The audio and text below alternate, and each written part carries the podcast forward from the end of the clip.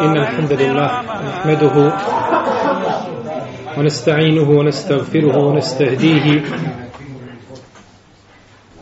ونعوذ به من شرور أنفسنا ومن سيئات أعمالنا. من يهده الله تعالى فهو المهتد ومن يضلل فأولئك هم الخاسرون. وأشهد أن لا إله إلا الله وحده لا شريك له. وأشهد أن محمدا عبده ونبيه ورسوله وصفيه من خلقه وخليله. يا أيها الذين آمنوا اتقوا الله حق تقاته ولا تموتن إلا وأنتم مسلمون. يا أيها الناس اتقوا ربكم الذي خلقكم من نفس واحدة وخلق منها زوجها وبث منهما رجالا كثيرا ونساء واتقوا الله الذي تساءلون به والأرحام إن الله كان عليكم رقيبا. يا أيها الذين آمنوا اتقوا الله وقولوا قولا سديدا. يصلح لكم أعمالكم ويغفر لكم ذنوبكم ومن يطع الله ورسوله فقد فاز فوزا عظيما. أما بعد فإن أصدق الكلام كلام الله تعالى وخير الهدي هدي محمد صلى الله عليه وسلم وشر الأمور محدثاتها وكل محدثة بدعة وكل بدعة ضلالة وكل ضلالة في النار. ثم أما بعد.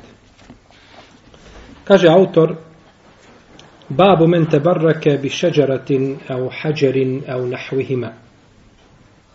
Poglavlje traženja bereketa preko drveta, kamena i slično tome.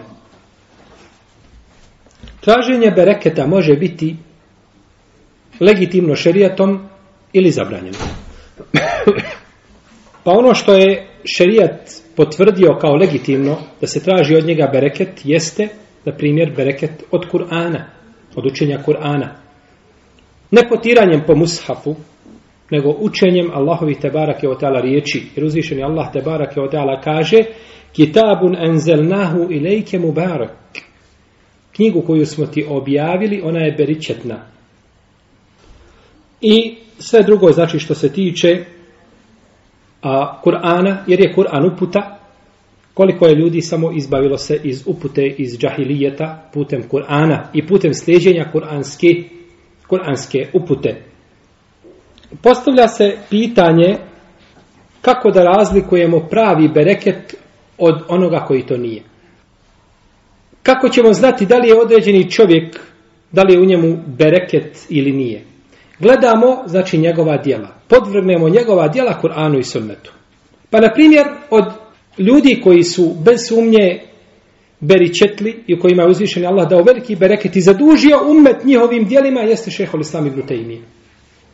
Za razliku od ljudi koji prizivaju sebi bereket, koji su u stvari novotari i koji rade ono što oponira, znači, Kur'anu i sunnetu. Kao to da čovjek dođe, na primjer, prvi dan Bajrama, nalazi se u Mekki. A u isto vrijeme njegovi prijatelji ga vidjeli kako kod kuće svoje u mjestu rođenja kolje kurban. Kažu Evlija.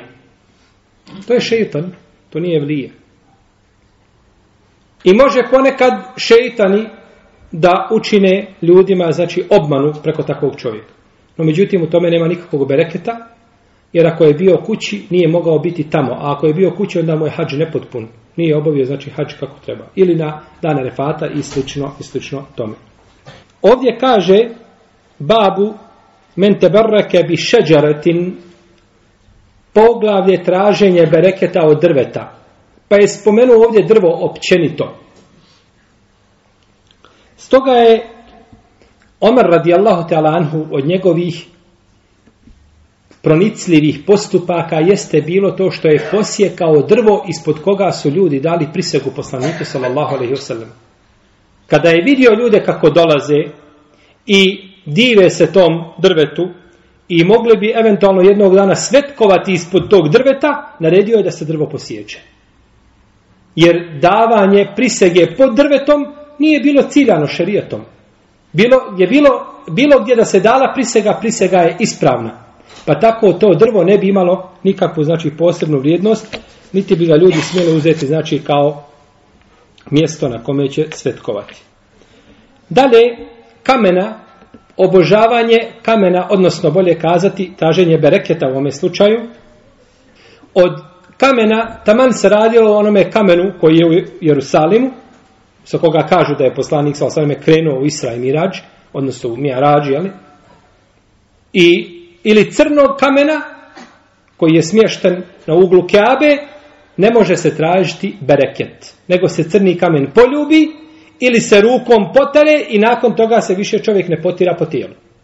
Ne potira se više po tijelu sa a, tom rukom, jer Omar radijallahu ta'ala koji je najbolje razumio vjeru nakon poslanika sallallahu alaihi ve sallam i Ebu Bekra, kaže, ja znam da si ti kamen ne koristiš nikome, niti možeš kakvu štetu a, otkloniti, ali da nisam vidio poslanika sallallahu alaihi ve sallam da te ljubi, ni ja te ne bih poljubio.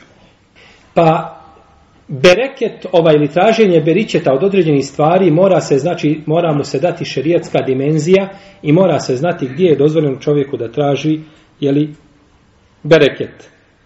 I tome je slično, da li on kaže autor, babu men tebarreke bi šeđaratin eu hađerin o nahvihima. I tome je slično bilo šta drugo. Bilo da je kuća, bilo da je zid, bilo da je turbe, bilo da je ajvetovca, bilo šta drugo. Nigdje se berećet ne može tražiti osim tamo gdje je šerijat naredio, znači da se traži razne građevine. Čak ni kabur, soba gdje je ukopan poslanik sallallahu alaihi wasallame i zidovi kojim je ograđeno i platno koje je stavljeno, ni od toga se svega ne smije tražiti bereket. Jer nam šarijat nije ukazao znači na utemeljenost toga. Potom je autor spomenuo ajetu surje Neđm, Gome uzvišeni Allah te barake o kaže Efarajtumu late wal uzza wa menate thalisete l'uhra. Elekumu zekeru wa lehu l'unsa tilke idhen qismetun diza. Kaže uzvišeni Allah te barake tala šta kažete o, lata, o latu i uzau i menatu trećoj manje cijenjenoj Zar su za vas sinovi, a za njega kćeri, to bi tada bila podjela nepravedna. Nakon što je uzvišen Allah te barak je o tala govorio na početku sure Neđm o onome što je vidio poslanik sa od znamenja kada je išao u Mjarađ, spominje ova božanstva. Pa hoće kazati šta ova božanstva vrijede i šta znače u odnosu na ono što je poslanik sallallahu alaihi wasallame vidio. Ona su zaista u odnosu na ono što je on vidio, ali i salatu veselam, e, bijedna i neznatna. E, afaraitum late wal uzza. Elat džumhur uleme karija koji su učili, učili su e, afaraitum late wal uzza. Elat bez teštida. Dok je Ibn Abbas i Ibn Zubeir i drugi dok su učili afaraitum late wal uzza. Sa teštidom na sa teštidom na ta. Ovo su kipovi koje su, koje su ljudi u džahilijetu obožavali, pa je došao, znači, šerijet da ukaže na bjednost tih kipova.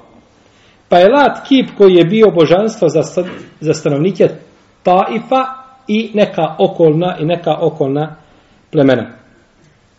Afaraitumul late wal uzza. Al uz je kip koga su obožavali pripadnici plemena Kurejiš i Benu Kinane. Oni su, znači, svako je pleme imalo svoje kipove ili je više plemena učestvovalo u zajedničkom obožavanju određenih, određenih kipova. I nalazio se ovaj kip u mjesto između Tajfa i Meke. O menate sali se tel uhra. Ovaj kip je bio između menati, je bio kip između Meke i Medine. A obožavali su ga Huzeil i Huza i Evsi Hazređ. I posebno su poštovali ovaj kip, da su od njega započinjali svoje putovanje prema Mekki kada su išli na hađ. Omenate salisetel uhra. A, I treće manje cijenjeno, zato što je menat ženskog roda. Ova su dva prva muškarci. Pa je treća ovaj, ovaj ženski kip nije bio toliko cijenjen ili kao ova dva. I kažemo da oni su spomenuti ovdje ne zbog njihove vrijednosti, nego samo da se ukaže znači na ništavnost onoga što su obožavali kada se uporedi sa znamenjima koja je vidio poslanik sallallahu alejhi ve selleme kada je išao na mjerač. To bi bila nepravedna podjela. Elekomu zekeru wal hununsa tilke izen qismetun disa. Zar vama pripadaju muš, muška ili muškarci, a njemu pripisujete ženski pol, to je zaista nepravedna podjela. Pa oni su pripisali Allahu te barak je oteala žensku djecu ili rod ženski, a to sami sebi nisu htjeli pripisati, nisu time bili zadovoljni. Pa ako ste htjeli biti pravedni, onda ste trebali pripisati Allahu te barak tala mušku, a ne žensku. Iako svakako ni to nije dozvoljeno i strogo je zabranjeno, no međutim pa su počinili ovdje prijestup sa dvije, sa dvije strane. Oni kada im dođu ženska djeca, njihova lica pocrne i ne znaju šta da radi. Da li da ih pokopaju tako žive ili šta da učine. Pa su onda Allahu te barake od tala pripisivali ono čime sami nisu bili zadovoljni.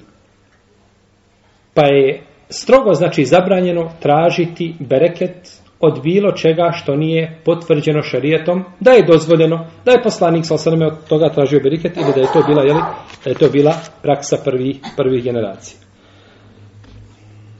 Potom je autor spomenuo predaju od Ebu Waqida Lejsija, u kojoj prenosi da je rekao Ebu Waqida Lejsi, ashab kaže, izišli smo sa Allahovim poslanikom sallallahu alaihi wasallame na Hunein. A tek odnedavno smo napustili nevjerovanje kufr, znači skoro smo primili islam. Mušici su imali lotosovo drvo kod koga su skrušeno klečali i na koga su vješali svoje oružje. Drvo se zvalo Zatu Anuat. Zatu Anuat. Prošli smo pored lotosovog drveta i rekli Allahu poslaniče daj da i mi imamo zatulenu at. Napravi i nama ovako nešto, kao što oni imaju. Allahu poslanik s.a.v. je rekao Allahu akbar. U istinu, To je sljeđenje ranijih naroda. Tako mi onoga u čijoj ruci je moja duša, rekli ste isto ono što su izraeličani kazali Musau, ali i selam, napravi ti nama, napravi ti nama Boga kao što oni imaju bogove. Iđa lena ilahen kema lehum alihe. I ti nama napravi Boga, tako su govorili Musa, ali i kada su prošli pored ljudi, kaže da imamo mi Boga kao što oni imaju, kale innakum kaumun teđhelun, vi ste, kaže, u istinu narod koji nema pameti. I rekao je dalje poslanik sa osrme, vi ćete u istinu slijediti primjere oni koji su bili prije vas. Ovako je, ovako je zabilježio ovaj hadis imam Tirmizi. Imam Tirmizi ovako je zabilježio ovaj hadis u svome sunenu i hadis je vjerodostojan.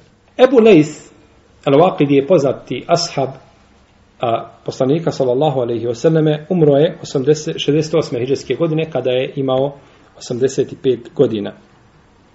U jednoj se predaj navodi da su izišli a, na dan oslobođenja Mekke. No, međutim, ovdje je spomenuto, znači da je to bilo, su izišli prema, su izišli prema Huneinu. Dva plemena, Sekif i Hevazin su okupili ogromnu vojsku protiv poslanika sa osanem, pa se on odlučio, da im, odlučio se Allahov poslanik sa osanem da im se suprostavi. I krenuo je sa 12.000 muđahida dvije hiljade iz Meke i deset hiljada koji su sa njim došli iz Medine kada su oslobodili znači Meku. Pa su ashabi bili toga dana zadivljeni svojim brojem. Pa su kazali nema danas toga ko će nas pobjediti. Znači mi smo danas pobjednici. Broj ih zadivio. Pa je uzvišeni Allah te barak je objavio لقد نصركم الله في مواطن كثيرة ويوم حنين Id ađebetkum kesretuhum. Id ađebetkum kesretukum. I Allah vas je pomogao na brojnim bojištima i onoga dana na Huneinu kada vas je mnoštvo vaše zanijelo. Felem tugni ankum šeja, a nije vam u stvari ništa bilo od koristi. Pa su bili iskušani, no međutim na kraju je a, opet pobjeda bila poslaniku sa osrme njegovim ashabima jer ih je učvrstio znači na istini. Kažu Allahu poslaniče, daj i nama, napravi i nama zatu kao što oni imaju zatulenovat. Pa im je poslanik sa osrme ukazao na pogubnost ovoga postupka i osudio ga. Osudio ga je riječima Allahu Ekber, a u drugoj predaji subhanallah. A u drugoj predaji subhanallah. Oni su pomislili da je ova stvar nešto što približava Allahu te barake o teala. Nisu nikako ni razmišljali, ni pomislili na kraj pameti im nije bilo da je to šta? Od stvari koje su širk. Nego su, znači, kazali, želeći time da se približe stvoritelju Azzevođel. Pa je, posl, pa je, pa je poslanik sa rekao Allahu ekvar. Govoreći time riječi kojima čisti Allaha Azzevođel od onoga što mu oni pripisuju. Ili kada je rekao Subhanallah, sladen neka je Allah. Tako mi onoga u čijoj ruci je moja duša, kazali ste isto ono što je Musaov narod kazao Musaov. Kazali ste iste riječi. Oni su kazali stvar ili su tražili činjenje stvari koju su činili mušici. I ona liči. Pa vidimo da je, iz ovoga zaključujemo da je pouka ubiti određene stvari, a nije u njenom imenu. Kako god da je nazvao, ili na koji god način da je prišao, ona ostaje, znači njena srž i njena bit ostaje, ostaje ista. I u ovome je dokaz da čovjek može određenu stvar smatrati da je da ga približava stvoritelju, a ona ga udaljava. Kao što ljudi rade sa novotarijama. Koliko ljudi praktikuje novotarije i smatra da se njome približava gospodaru Azeođel, a ona ga samo udaljava od stvoritelja te barake oteala. I nakon toga, kroz istoriju se dešavalo ono što se desilo i u ovome vremenu, da su ljudi znači, uzimali uh, razna mjesta za svetinje, i da je znači šeitan im uljepšavao te postupke, tako imate toga u Damasku puno, u Egiptu i na brojnim drugim mjestima. Kaže šehol sam Ibn Kajim kako su ljudi samo brzi kada treba učiniti širk, kako to lahko prihvate. Da dođu do kabura, da se zavituju na kaburu, da prinose žrtvu na kaburu i slično tome, pod izgovorom mi cijenimo i poštujemo toga velikana koji je u kaburu. Pa čine ono što se smije činiti samo Allahu te barak tala poput zavjeta, poput žrtve i slično, i slično tome. Pa cilj njegov znači ne menja bit, ne menja bit stvari. Ako je ovakav slučaj bio sa ashabima poslanika sallallahu alejhi ve selleme, šta da kažemo onda o vremenu koje je naslijedilo nakon toga kada je zavladao veliki džehl i veliko neznanje i kada su se ljudi udaljili znači od od svoje vjere. Poslanik sa osvrame ovdje nije, znači, uzimao u obzir to što su oni a, a, to što su oni željeli hajr i što su željeli dobro. Nego je, znači, žestoko osudio taj postupak i povođenje, znači, za, za drugima što je u šarijetu zabranjeno. Pa je nama zabranjeno da slijedimo ljude drugih vjera i ono što oni čine, osim ako imamo u Kur'anu ili u sunnetu naredbu ili pohvalu ili dozvolu da se slijedi jeli, određena, određena stvar. Isto tako nije dozvoljeno tražiti bereket od nekoga drugog mimo poslanika sa osaleme kada je riječ o ljudima. Znači da potaremo po drugom čovjeku pa da taremo po sebi, to je zabranjeno. Kao što je jedan brat pričao, došao je jedan pakistanac kod Sudejsija, imama u Haremu, i tražio da mu priđe, pa su mu dozvolili ovi jeli, stražari da priđe, Pa je turio mu prst svoju njegova usta i onda počeo da tare po svoje odjeći. Radi bereketa. A ovaj nije očekivao šta će biti, jeli? On misli ako prst uđe u usta Sudeisija, zato što je lijep karija i dobar karija, da će to odmah biti bereket po njegovom tijelu. To je zabranjeno. Nećete naći nikada, ni u lažnoj predaji da je neko od dabina potirao po Ebu Bekru pa potom po sebi. Nikada. Niti po Omeru, niti po Osmanu, niti po Aliji, niti po bilo kome. Niti je neko da shaba potirao po Ebu Bekru. Niti po deseterici kojima je obradovan džennet. Niti neko od tabina nakon toga po ashabima. Niti je neko nakon toga potirao po nečemu što je ostalo iza poslanika, sallallahu ali, oproste, iza Ebu Bekra ili Omera. Toga nema. I to je zabranjeno. I o tome smo opširnije govorili kada smo govorili o poslaniku, sallallahu alaihi u našem ciklusu ili predavanja, ako se sjećate što je bilo prije možda neki šest ili sedam godina. U svakom slučaju, a, u tome je isto tako spriječavanje sedu zaraja, preventivno pravničko sankcionisanje, zatvaranje vrata šeitanu da priđe, znači i da napravi, znači, e, belaj među ljudima, odnosno da im pokvari, da im pokvari njihovu vjeru. u ovome a, a, poglavlju autor je spomenuo puno mesela ili pitanja koja zaključuje iz ova dva argumenta koja je naveo. Ajet sure Nejm i hadis Ebu Lejsa el-Waqidija. Prvo, tumačenje ajeta iz sure Nejm. A to su riječi Allaha te barake o ta'ala a farajtumu late u uzza o menate thalisatan uhra. To je prvo. Drugo, spoznaja suštine značenja onoga što su ashabi tražili. Pa hadis ukazuje da je traženje bereketa od drveta ili od kamena zabranjeno i da su to putevi kojim su koračali priješnji narodi. I tako su otišli u zablodu. Treće, oni to nisu učinili. Ovo je jako bitno. Oni to nisu šta? Učinili. Nego su tražili od poslanika sallallahu alaihi wasallame da im to priušti. Pa je to znači bilo traženje, a nije bilo činjenje. Četvrto, oni su time željeli da se približe stvoritelju te barake o teala. Pijeto, kada je ova stvar bila skrivena ashabima, pa njena skrivenost drugim ljudima, mimo ashaba je preča, je tako?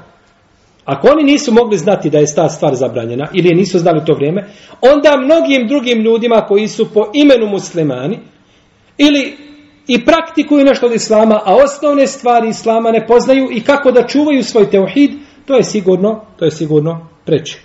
Šesto, da ashabi imaju brojna dobra djela, izlazak njihov, borba, hajde koji im je običaj uzvišen Allah te barak i poslanik sallallahu alejhi no međutim nije Allahov poslanik ali sallallahu alejhi našao im opravdanje za njihovo šta? Pitanje.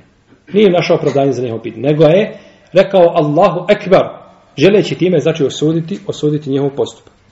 Dalje, sedmo, poslanik sa osrme nije našao im opravdanje, nego ih je ukorio sa riječima Allahu Ekber, po drugom rivajetu, subhanallah.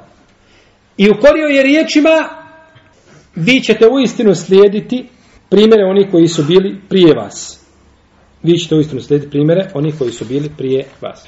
Osmo, Osma mesela, velika stvar, ovdje kaže el emru el ekbar, ili el emru el kebir. Koj, I ova je stvar ovdje ciljana, a to je da je Allah poslanik s.a.v. E ashabima rekao da je njihov zahtjev isti kao zahtjev Izraeličana. Kada su rekli Musau, iđa lena ilahen kema lehum alihe, ti nama napravi Boga kao što oni imaju božanstvo. Deveto, da je negiranje toga značenje la ilaha illallah. Negiranje čega? Da se uzme zato lenuat. Da je to sastavni dio la ilaha illallah. Da je to sastavni dio riječi la ilaha illallah. Iako je zbog svoje preciznosti to ostalo ashabima šta? Skriveno. Nisu to znači poznali. Deseto pitanje da se poslanik sallallahu alejhi ve selleme zakleo pri izricanju fetve ovdje. Šta je rekao? Tako je onoga u čijoj ruci je moja duša. A poslanik sallallahu alejhi se ne zaklenje osim na velikoj stvari. Osim na velikoj stvari. Nije on, ali sallallahu alejhi kao ljudi koji se zaklenju za veliko i za malo. Za svaku riječ vallahi, vallahi, vallahi. Nego se zaklenje čovjek najvećom zakletom Allahom te barake samo na bitnim i velikim stvarima. 11. Da širk može biti veliki i mali, jer oni svojim zahtjevom nisu izašli iz vjere. Ovdje autor kaže da širk može biti šta? Veliki i mali. Pa potom kaže da su oni ovdje učinili, ili ukazuje da su oni ovdje učinili mali širk, jer nisu time izašli šta? Iz vjere. No međutim, da li je ovo mali ili veliki širk što je traženo? Ovdje se kaže, poslanik sam sam kaže Allahu ekbar, kazali ste isto što su kazali Izraeličani kome? Musa alaih sallam napravi nam Boga kao, pa je poistovjetio dva, znači dva slučaja sa svih strana. Pa se može, znači, shvatiti da se ovdje radi o velikom širku. No međutim, nisu ashabi izišli iz vjere zato što nisu ga počinili. Bili su novi u vjeri, nisu poznavali to, tražili su da ga učine, pa nisu ga šta? Nisu učinili. Pa tražiti da se učini nešto i učiniti je to različito. Jeste, znači postoji razlika u traženju određene stvari i u njenom i u njenom činjenju. Kazali smo dakle da imaju dvije vrste da imaju dvije vrste širka. Imamo veliki širk i imamo mali. I kazali smo, ranije smo spominjali, da uzvišeni Allah neće oprostiti širk, ni veliki ni mali koga bude činio i ko umre bez teobe. To je po manjinskom dijelu leme. Dok većinski dio učenjaka kaže da se riječi inna Allahe la jagfiru en jušrake bihi Allah neće oprostiti da mu se širk čine, odnosi na veliki širk, a ne na mali. Šehol Islam ibn Taymiye kaže odnosi se i na jedan i na drugi. I na jedan i na drugi širk. Dok većina uleme nije tako razumjela. Iako je, iako je mali širk veći od velikih grijeha. Zato Abdullah ibn Mas'ud govorio kako je došlo od njega da kaže da se zakunem na Allahu lažno draže mi je nego da se zakunem na drugom mimo Allaha istinito. Pa da kažem vallahi, a ja neistinito govorim, draže mi je nego da kažem tako mi babe, a ja govorim istinu. Jer je kazati tako mi Allaha i slagati kriva zapletva, odnosno lažno zaklinjanje i to je šta, veliki grije. No međutim, kada kažeš u ebi, tako mi babe, to je šta? To je mali širk. To je mali širk. No međutim, može, zaklinjanje babi može, tačno može biti veliki širk. Kada bi čovjek smatrao da je babo taj na kome se može zaklinjati kao na Allahu. Pazi, jer time poistovjetio i dao si mu ono što pripada jedino Allahu te barak je otana, to je druga stvar. No, međutim, niko, uglavnom to ljudi jele, ne smatraju tako, nego se zaklinju, znači, iz svoga neznanja i džehla, što je, što je veće od velikog grije. 12. A, a tek odnedavno smo napustili kufr, što ukazuje da su ashabi, znači, bili ovdje, a, da su bili novi u islamu i da im je to bilo nepoznanica, a da je to drugima šta bilo poznato i nepoznato. Onim? Pa poznato, oni kažu nama je bilo, ta skupina koja je tražila, nama je nepoznato, ali drugima to nije bilo šta? Nepoznato. Nego kaže, mi smo bili novi u islamu. No međutim, gdje su oni prvaci koji su otišli, nisu tako niš, nikada ni pomislili nešto da, je li traže od poslanika, sallallahu alaihi wa sallam. 13. Izgovaranje tekbira kada se čovjek čudi. Pa je dozvoljeno čovjeku suprotno onima koji smatraju to mekruh, to je neispravno. Ispravno je da dozvoljeno čovjeku kada se čudi da kaže Allahu Ekber ili da kaže Subhanallah. Jer se navodi od poslanika, sa da je ustajao po noći, kaže Subhanallah, ovaj približio se šer i, i slično tome, a, e, znači poslanik je sallam zaklenjao se, ovaj, e, govorio Subhanallah ili Allahu Ekber kada se čudio i u tome nema nikakve smetnje, inša Allahu Teala. 14 sedu zeraja, preventivno pravničko sankcionisanje, znači zatvaranje vrata, znači koja mogu otvoriti put zla. 15. Zabrana poistovjećivanja sa neznalicama, sa džahilima. U bilo kom pogledu. 16. Srđba prilikom poučavanja. Srđba, tako kaže autor ovdje. El gadabu inde ta'lim. Gdje je sržba? Gdje to piše da se ne ljutio? Pa, velikim glasom, Allah Velikim glasom, tako se kaže? Tako u hadisu kazalo velikim glasom? Poslanik je vam rekao Allahu akbar. Kultum kema kale benu Israilene Musa alaihissalam. Autor je, braćo, uh, šejh Muhammed ibn Abdul Wahab, šejh islam Allah te barak je od mu je dao razum kakav nije dao mnogim, mnogim islamskim učenjacima. Svatanju i razumijevanju šerijatskih argumenata i izvlačenju zaključaka iz njih. U takvom jednom ambijentu poslanik sa osam kaže Allahu ekvar. Hoće li kazati u jednoj normalnoj znači atmosferi, normalnom govoru Allahu ekvar? Nego dok je kazao Allahu ekvar, to ukazuje šta da se naljutio s jedne strane I s druge strane možemo dodati na ovo i ne možemo shvatiti da je bila ljutnja, jeli, nije, nije spomenuto, no međutim, možemo kazati, sam kontekst riječi, kazali ste, kao što su ljudi kazali Musa a.s. Hoće li poslanik sa te riječi govoriti lijepo, blago, nježno ili će povisiti svoj glas? Da ukaže na veličinu stvari koje su tražili. Je tako? Imaju određene stvari koje se govore lijepim tonom, znači tiho, objasni se. No međutim imaju stvari koje zahtijevaju da se govori o njima glasno. Pa je tako poslanik sa osram dizao glas sa mimbere da su ga ljudi mogli čuti na pijecu da kaže unzirukum nar, ja vas ja vas opominjem vatrom. Pa da kaže ashabima opominjem vas vatrom nije to djelotvorno kao kada šta digne svoj glas. Pa isto je tako i u ovom slučaju radio Rasulullah s.a.v. Pa to se može zaključiti šta? Iz, iz konteksta, znači hadisa. Dalje, 17.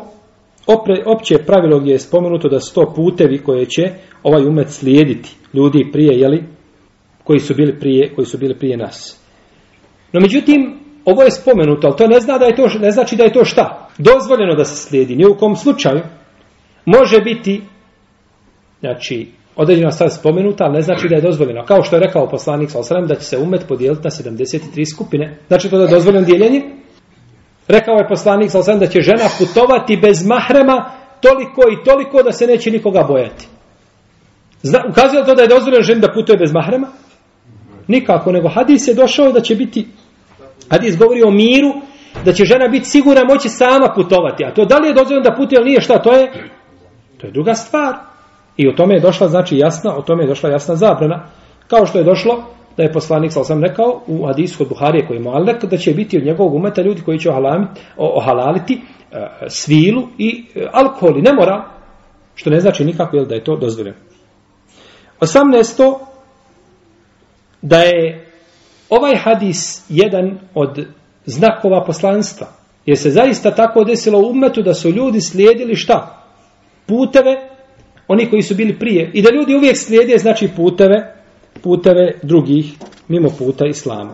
19. Da je sve ono što je došlo kao ukor židovima i kršćanima da vrijedi šta i pa su ovdje ukoreni ko? Židovi koji su tražili od poslanika sallallahu alaihi sallam da im učini a, a, a, jeli, od, od Musa alaihi da im učini Boga kao što drugi imaju bogove. Pa tako vrijedi taj ukor i za ovaj umet. 20. Kod učenjaka je poznato pravilo, to se zaključuje, je li da, jer dok je poslanik sam samo sudio to, to ukazuje na tu činjenicu, da se ibadeti mogu potvrditi samo jasnim šarijatskim šta? Argumentom. Jasnim šarijatskim argumentom, a ne mogu na drugi način. 21. pitanje, da je put ehnul kitaba pokuđen kao put mušrika. Znači, u tom pogledu nema nikakve razlike i vjernicima je zabranjeno da slijede njihove puteve. I 22. i zadnje pitanje, da onoga ko je napustio određenu stvar, čovjek koji je napustio određenu stvar, nije siguran da u njegovom srcu nije ostalo još uvijek čega? Primjesa onoga što je imao. Pa napustio je čovjek kufur, možda ima pri njemu toga. Napustio je širk, napustio je velike grijehe, napustio je novotariju, napustio je put novotara i zabludjelih, no međutim ne mora značiti da se u potpunosti ili očistio, da se u potpunosti očistio od toga. Pogledajte ovdje 22 pitanja. Prvo se samo pitanje veže za ajeti sure en neč. A ostala 20 ostalo 21 pitanje se veže zašto? Za hadis. Što mislite, kakav je to razum da Alim iz jednog ovako kratkog hadisa izvuče 21 tačku ili stavku o kojoj se svakoj od njih se može zasebno govoriti. To sigurno ukazuje znači da je šehol Islam, Muhammed ibn Abdullahab, bio čovjek koji je jako dobro razumijevao šerijatske argumente, naročito kada je u pitanju, znači, kada je u pitanju tevhid i kada je u pitanju ispravno vjerovanje.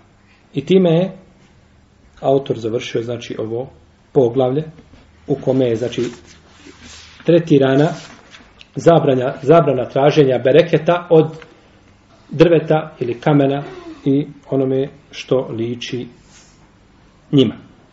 Ja bih večeras samo kratko a, dotakao se jedne bitne tematike koja se aktualizirala i ona se aktualizira sa vremena na vrijeme, no međutim u e, prošle sedmice je posebno znači, došla do izraz, izražaja, a to je fetva egipatskog muftije Muhameda, e, e, nije muftije nego on je muftija Lezhara, kada je Muhammed Tantawi, kada je dao izjavu da će zabraniti znači nošenje nikaba na Lezharu. I tu je izjavio da je nikab tradicija, da nikab nema nikakvo utemeljenje u islamu. I jednu djevojčicu u osmom razredu je prisilio da skine nikab pred njim. Učiteljica je kazala, ta djevojčica nosi nikab samo zato što ste vi došli. Najavila se delegacija da dolazi, pa ona spustila, znači nikab ni svoje lice u protivnom kaže u razredu, ona nema nikaba. Jer su sve, jeli, djevojč, djevojke, pa nema potrebe da nosi nikab. No, međutim, on je rekao, ja bolje znam, kaže Islam, od tebe i od onih koji su te rodili. Tako je rekao muftija i djevojčica se pokorila pod pritiskom, morala se, znači, pokoriti skina nikab. I onda je on kazao izjavu ili riječi koje čovjek koji poštuje sam sebe ne bi smio kazati, a da ne govorimo o poštovanju muslimana kao muslimana, rekao je djevojčici da si, kojim, da si kojim slučajem lijepa, šta bi tek onda stavila na lice.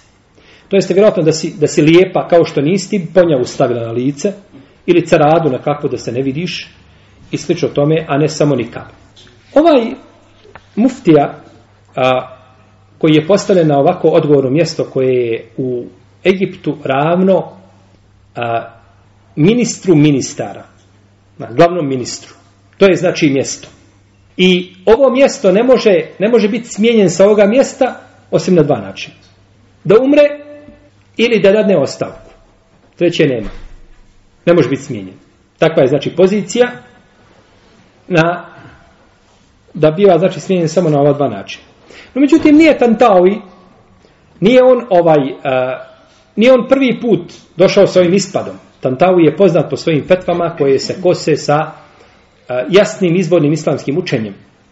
Tantawi recimo kaže da je dozvoljeno čovjeku da pohrani svoj metak u banku kamatnu i da uzima zagarantovanu dobit. Naravno, on ne kaže kamatu, on kaže zagarantovanu dobit. To mi je ovo što je nazvano zato lenovat, bilo ili nije. Mijenjanje imena šta ništa. Ne znači, danas u arabskom svijetu kažu za kamatu fewaid, korist. Ona nije korist, ona je šteta. Pa ti je nazovi kako hoćeš, ona je kamata u šarijetu. Nazovi je obrada papira. Administracija, ona je kamata. Nazovi je kako hoćeš. Imena ništa ne mijenjaju.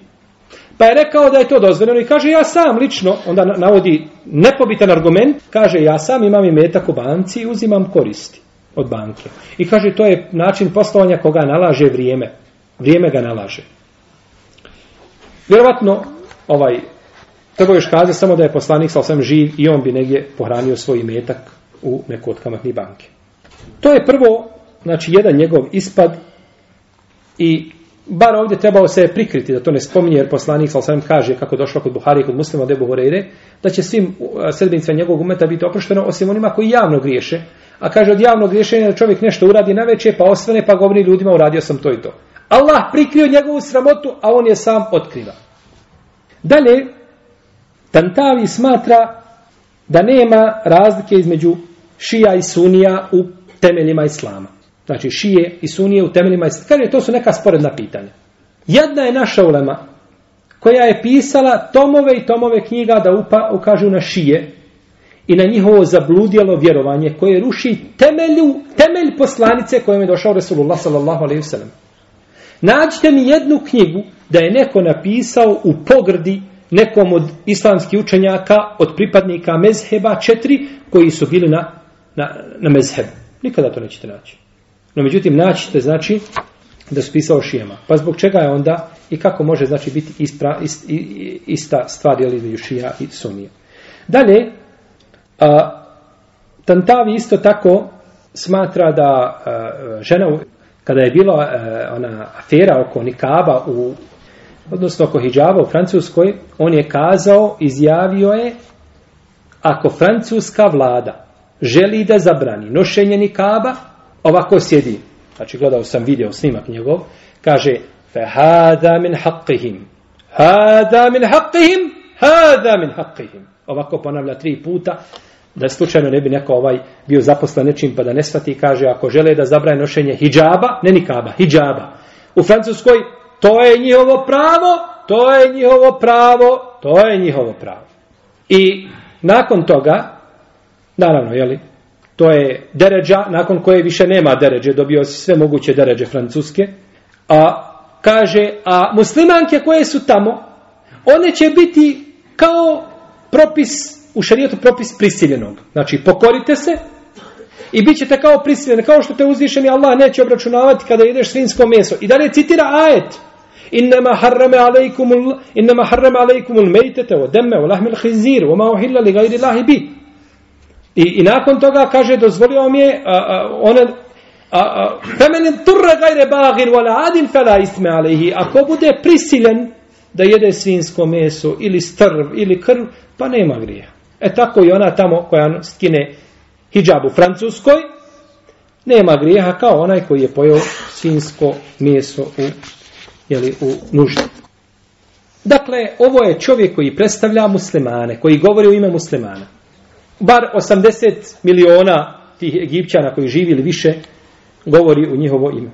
A da ne govori o njegovim sitnim ispadima i riječima poput toga da je duhan e, haram običnim ljudima, ovim službenicima koji nemaju dovoljno veliku platu i ne mogu podmiriti osnovne potrebe, a dozvoljene velikim biznismenima, biznismenima ljudima koji imaju para, To je ispad sam po sebi i pitanje, pitamo se da li je muftija ikada otvorio knjigu islamske jurisprudencije i pogledao šta islamski učenjaci govore kada je napravio takvu razliku među šerijatskim obaveznicima.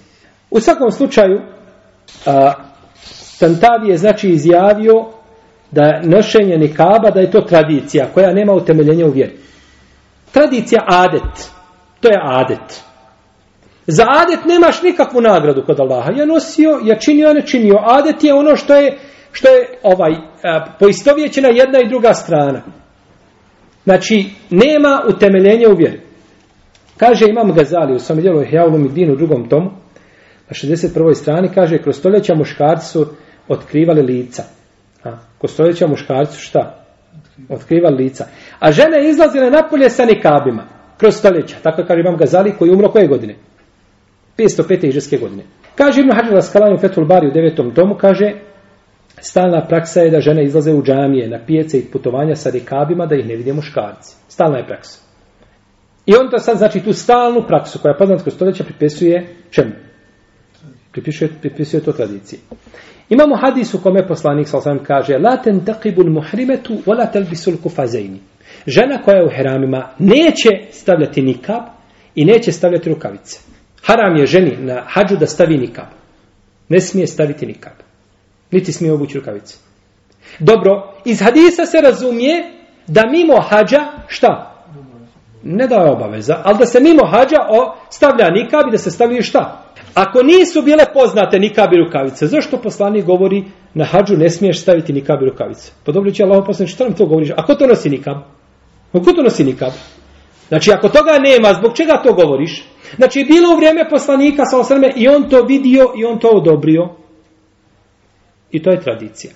Nemoguće je da čovjek koji je učio Kur'an i sunnet, koji je čitao, a nema veze sa politikom, a nema veze čime? Politikom, da kaže da je nikav tradicija. To je nemoguće.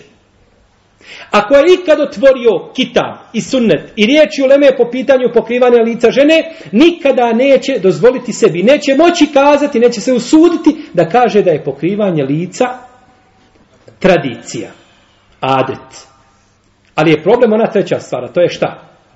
Politika. To je problem.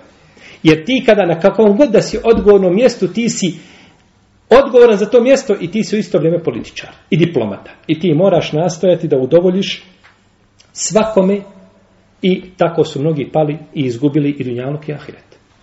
Esma radijallahu talanha kaže Esma, kako bilježi hakim, sa hlancem koji je kao sunce u podne, kada nije oblačno vrijeme. Čist, ispravan, kako kaže, imam i hakim, iz Dehebi i šeh Albani drugi. Kaže, pokrivale smo našta lica na hađu kada bi naišli muškarci pored nas. Mi smo kazali da je na hađu haram žen da stavi šta? Nikab. Ali nije, nije zapravo šta da pokrije lice nečim drugim. Nečim što je odmaknuto od lica, znači da nije priljepljeno uz lice. Jer ovdje Esma kaže mi smo pokrivale lica kada bi prolazili pored nas muškarci. Pa je zato poslanik sa osanem rekao u hadisu, neće žena na hađu koja je u hrama stavljati šta? Nikab. Je li rekao neće stavljati nikab ili je rekao neće pokrivati lice? Ne stavljati nikab. Riječi poslanika sa osanem su precizne. On je mogao kazati žena na hađu ne pokriva lice. Tada je gotovo, završeno. No, međutim, nije rekao to, nego kaže žena na hađu ne stavlja šta? Nikab. Ja bih samo ovdje da spomenemo mišljenja islamskih učenjaka po mezhebima, a vi strpite malo. Mislim da je ovo bitno. Jer, braćo, ništa čovjeka, tako mi Allaha, ništa čovjeka ne može održati u vremenima fitneta, iskušenja osim ilm. Da poznaješ svoju vjeru i da znaš šta je tvoj selef govorio, tako da kada god naiđe kakva šubha, jednostavno bude kao ogledalo. Kada udari zraka s jedne strane i samo se pod istim uglom vrati nazad. A nemoj da tvoje srce bude kao spužba koja će upijet vodu. Samo upija. Sve što dođe u šubhi upija.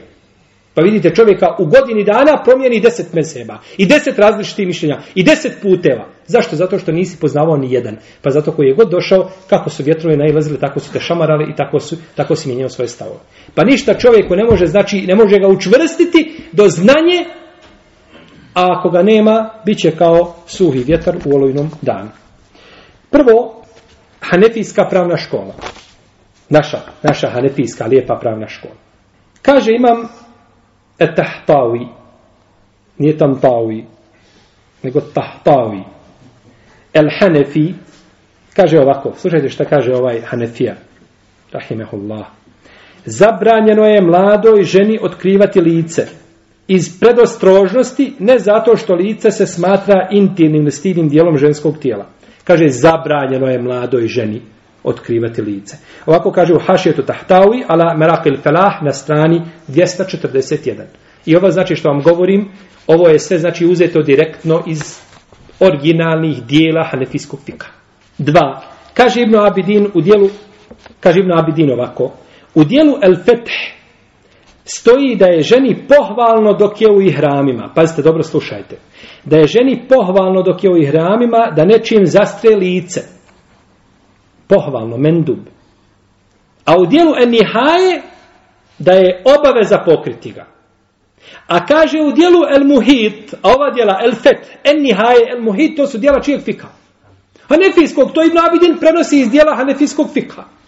Kaže, a u dijelu El Muhit stoji Ovim se aludira na to da je ženi zabranjeno otkrivati lice pred muškarcima, strancima, osim u nuždi. Ko to kaže? Hanefijski učenjaci. Ovako stoji u Haši do Abidin, treći tom 629. strana. U Hanefijskom dijelu Međmaul Enhur stoji ovako. Navodi se u dijelu El Munteka, to je dijelo čije fika. Hanefijskog, Hanefijski učenjac prenose iz svojih dijela. Kaže, zabranjeno je mladoj ženi otkrivati lice iz predostrožnosti. Slušajte dalje. A u naše vrijeme ženi je vađib nositi nikab. Pa onda kaže, ne samo vađib, nego farzi. Ko kaže ovo? Hanefijski učenjak. Kaže, u naše vrijeme, iz predostrožnosti mora pokriti lice. Znači, nije vađib. Ali kaže, u naše vrijeme, kada su ovi učenjaci živjeli? Koliko stoljeća prije nas polo? Ali kaže u naše vrijeme ženi je to vađib. Ma kaže nije vađib, nego je farz. Zašto je rekao farz? Zato što Hanefije prave razliku između farza i vađiva za razliku od drugih učenjaka. Pa kod nje je vađib nešto je što je naređeno kategoričkim argumentom, bilo Kur'anom ili mutavatir sunnetom. Kaže danas je to vađib da pokrije lice. Ovo kažu hanefijski učenjaci. Jadni su hanefijski učenjaci po ocjeni Tantavija. Ibn Nuđajm al-Hanefi kaže, naši, Hanefi, naši, to jeste hanefijski učenjaci, kažu, u naše vrijeme, slušajte dobro braću, u naše vrijeme, ovo je, e, jesmo spomenuli izvor ovo prethodnog ovoga, jesmo ovo, je rekao je to u Međmol Enhur, prvi tom, 122. strana. Kaže Ibn Nuđajm al-Hanefi, kažu naši, to je hanefijski učinjaci, u naše vrijeme je zbog povećanog stepena smutnji. A, u naše vrijeme je zbog, kaže Ibn Nuđain prenosi ovo od Hanefija. Ne prenosi od jednog, nego kažu naši učinjaci, Kaže, u naše vrijeme zbog povećanog stepena smutnji zabranjeno da mlada žena otkriva svoje lice u pristupu muškaraca. Vidite li Bahru Rajk, prvi tom 284. strana. Na drugom mjestu Ibn Nuđain kaže, u istom dijelu, na trećem tomu, na 345. strani, kaže ovako. Kada bi žena uvrijedila muškarca stranca, prolazi stranac i ona mu kaže mangupe. Jel u redu? Počinila bi krivično djelo. Također, kada bi otkrila svoje lice pred muškarcem koji joj nije mahrem, jer njemu nije dozvoljeno gledanje i njoj otkrivanje lica osim u stanju potrebe nužde. Nije dozvoljeno osim u stanju potrebe nužde. Ovako kaže u trećem tomu na 345. strani.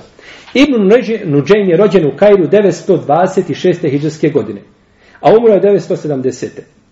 Dobro, ako su oni tada govorili u Kairu gdje je vladala islamska država, ima halifa, centar ilma i nauke bio u islamskom svijetu u Kairu, ako on tako kaže u naše vrijeme zbog povećanih fitneta mora žena pokriti lice, što onda da mi kažemo za naše vrijeme? I šta je onda tek ovaj učenjak kazao za Tantao koji brani pokrivanje lica? Allah ga uputio na pravi put.